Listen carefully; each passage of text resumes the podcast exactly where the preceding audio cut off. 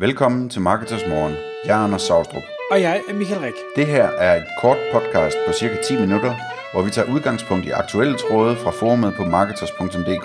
På den måde kan du følge, hvad der rører sig inden for affiliate marketing og dermed online marketing generelt. Godmorgen Kasper. Morgen Michael. Jeg har endnu en gang Kasper Ackermann fra Ackermann Kommunikation med i studiet. Kasper han er e-mail automation områdeekspert i Marketers.dk forumet. Og Kasper, vi har optaget flere podcasts, vi har optaget webinars omkring e-mail automation, og i dag der skal vi tale om to cases, hvor e-mail automation er blevet brugt af en, henholdsvis en øh, B2B virksomhed og en øh, B2C virksomhed, og hvor du vil prøve at tage os igennem og sige, hvad er det, de her forskellige virksomheder har gjort, hvad er det for nogle flows, de ligesom har sat op, hvorfor har de sat det op, noget om, hvordan det har virket, og hele formålet er at håbe på at inspirere lytterne til at sige, hov, det lyder smart, det kunne være, at jeg kunne lige tweak den lidt, og så bruge den i min egen virksomhed. Mm. Super. Hvor, hvor skal vi starte? Jamen lad os starte med, jeg tænker lad os starte med den her e-commerce forretning, øh, som er en, øh, en, øh, en webshop, der sælger, øh, der sælger sportsudstyr og sportstøj. Og øh, den her webshop er, øh, er drevet således, at øh, det er en Shopify webshop, og de har cirka mellem, afhængig af måned til måned, men de har cirka mellem 15-20% af deres omsætning, som kommer fra e-mail af, hvor kampagner klart er det bærende element. Kampagne-emails. Øhm, så automation, de her flows, de ligger mere og støtter op om nogle forskellige ting. De ligger også og driver salg, vel at mærke. Og i absolute tal, der er det, der er det en del penge. Øh, I procentvis, der, er det, der, der står, øh, der står øh, vores flows for cirka, de her flows står for cirka 8-9%. Og så står øh, kampagnerne for cirka en 14-15% øh, i, nu kigger jeg bare lige på, en, på sidste måneds view, ikke? I absolute tal, der, er det selvfølgelig, der ser det jo selvfølgelig stadig rigtig pænt ud. Det som den her forretning egentlig gør, det er, at de ligger og kører, kører segmenterede kampagnemails ud, hvor de egentlig ligger og laver nogle segmenter hen ad vejen, hvor, øh, hvor de ligger og, og segmenterer på baggrund af noget købsadfærd. Jamen hvis de har nogle kunder, som aldrig har købt, så ligger de og kører nogle bestemte øh, kampagner ud til dem, øh, hvor de forsøger at få, få de leads til at købe. Hvorimod de har så også har nogle aktive kunder, hvor de ligger måske, jeg tror de, de ligger og leverer nogle af de her loyale rabatter til. Så de ligger simpelthen og laver nogle segmenter på, på, på, deres, øh, på deres subscriber base, som de så ligger og leverer relevante budskaber til. Øhm, og der bliver sendt en, øh, der bliver sendt en, en del e-mails øhm, til, hvad hedder det, til, øh, til, til den base. På øh, automation-delen, der ligger de og, øh, og har i virkeligheden afdækket en stor del af hele deres kunderejse med, øh, med forskellige flows, som ligger og, og driver, driver, driver omsætning. Øhm, der er vi så heldige, at deres e-mail marketing platform også tillader, hvordan at vi nemt og hurtigt kan få et overblik over og indsigt i, hvor, hvor mange penge vi egentlig tjener per modtager i det her flows her.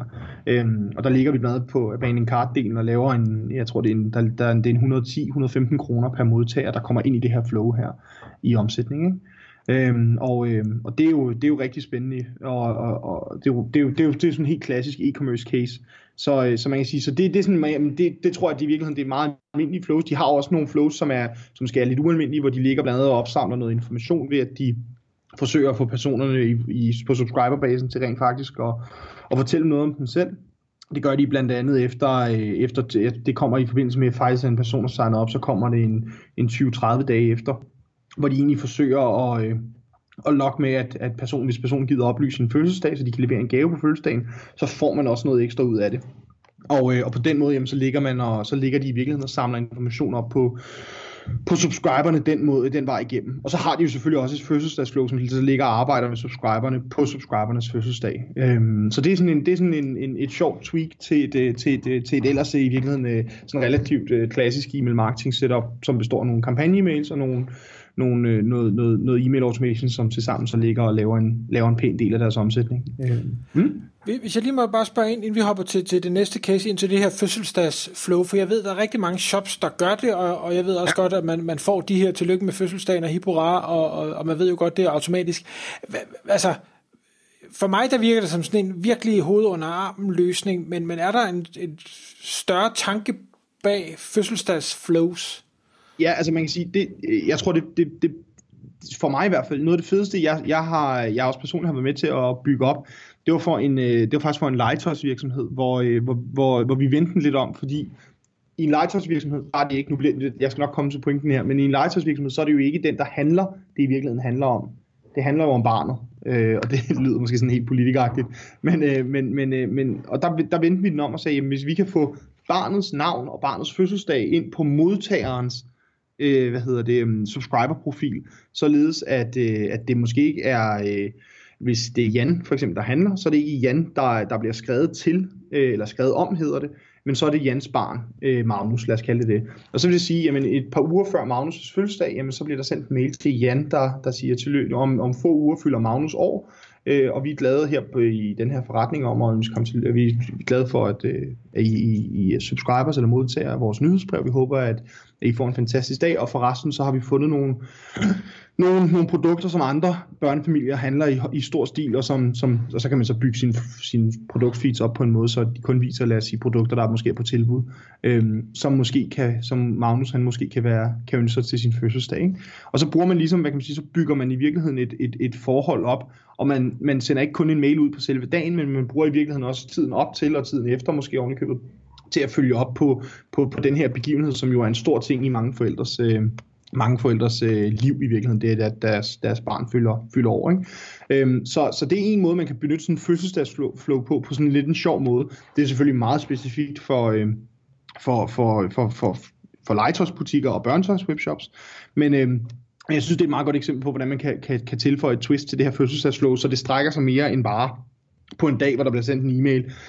Fordi problemet er, at, at der er en stor sandsynlighed for, at der er mange, der gør det. Ikke?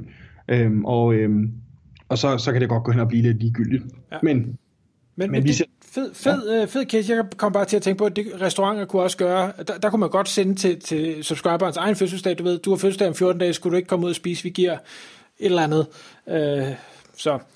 Præcis. Øh, ja, mange, mange gode idéer der. Fint, tak, det kan mine. Så lad os hoppe til, til B2B-casen. Ja, og, og det er jo sådan en, øh, det, det er jo sådan noget, det er jo sådan, der er, der er super sjov, fordi den, den kan du forme på mange måder, ikke?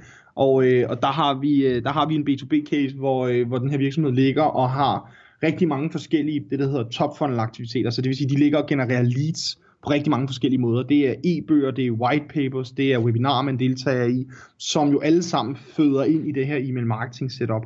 Og måden, som, som, som den strategi i virkeligheden er strikket sammen på, det er, at du har de her forskellige e-mail-serier, som ligger op helt oppe i toppen af kunderejsen, og som, hvor man får tilsendt sit, øh, sit ønskede indhold. Det kunne være et white paper. Og efter det, jamen, så bliver der sendt en kort, øh, hvad hedder det, nurture-serie. Og når det så er gjort, jamen, så ligger man i virkeligheden og modtager kampagnemails. Måden de så lokaliserer på, om en subscriber er tilbøjelig til at, at, at interagere, eller interagere videre med den her forretning her, og dermed indgå i noget, et, kommercielt, øh, et kommercielt partnerskab, købe noget for forretningen, hvis jeg skal sige det lige ud.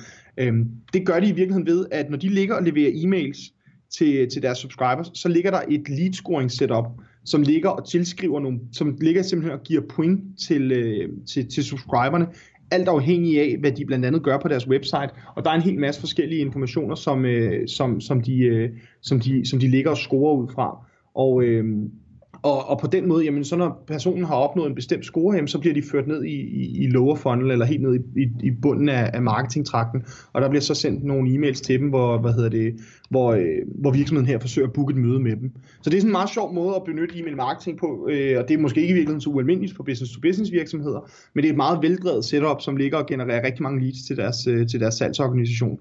Øhm, at de ligger og blandt andet og scorer på, hvis du åbner en e-mail, hvis du klikker en e-mail, hvis du unsubscriber en e-mail, hvis øh, det her e-mail marketing platform kan identificere virksomhedsnavnet, øhm, og så hvis subscriberne besøger forskellige sider på websitet, øhm, alt afhængig af hvad det er for en side de kigger på, jamen, så får de tilskrevet nogle point.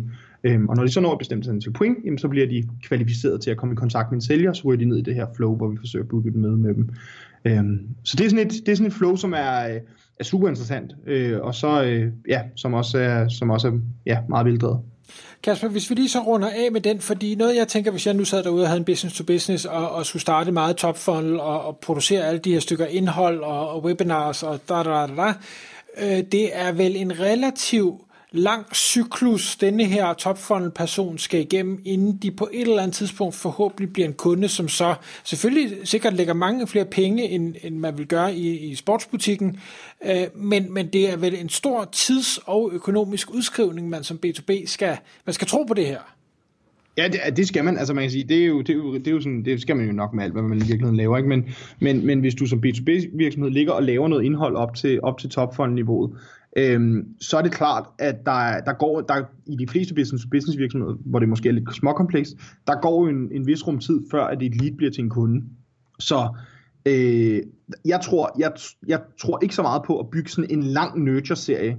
Øhm, jeg tror mere på, og det er også det, vi har gjort i den her case, at levere noget indhold op på topfondniveau i de her automatiske e-mail-serier, føre dem gennem et nurture flow, øh, hvor vi får præsenteret dem for nogle, øh, for nogle øh, hvad hedder det, kernebudskaber, nogle cases eventuelt, og så efter det, jamen, så ligger man og leverer kampagnemails til dem med værdiskabende indhold.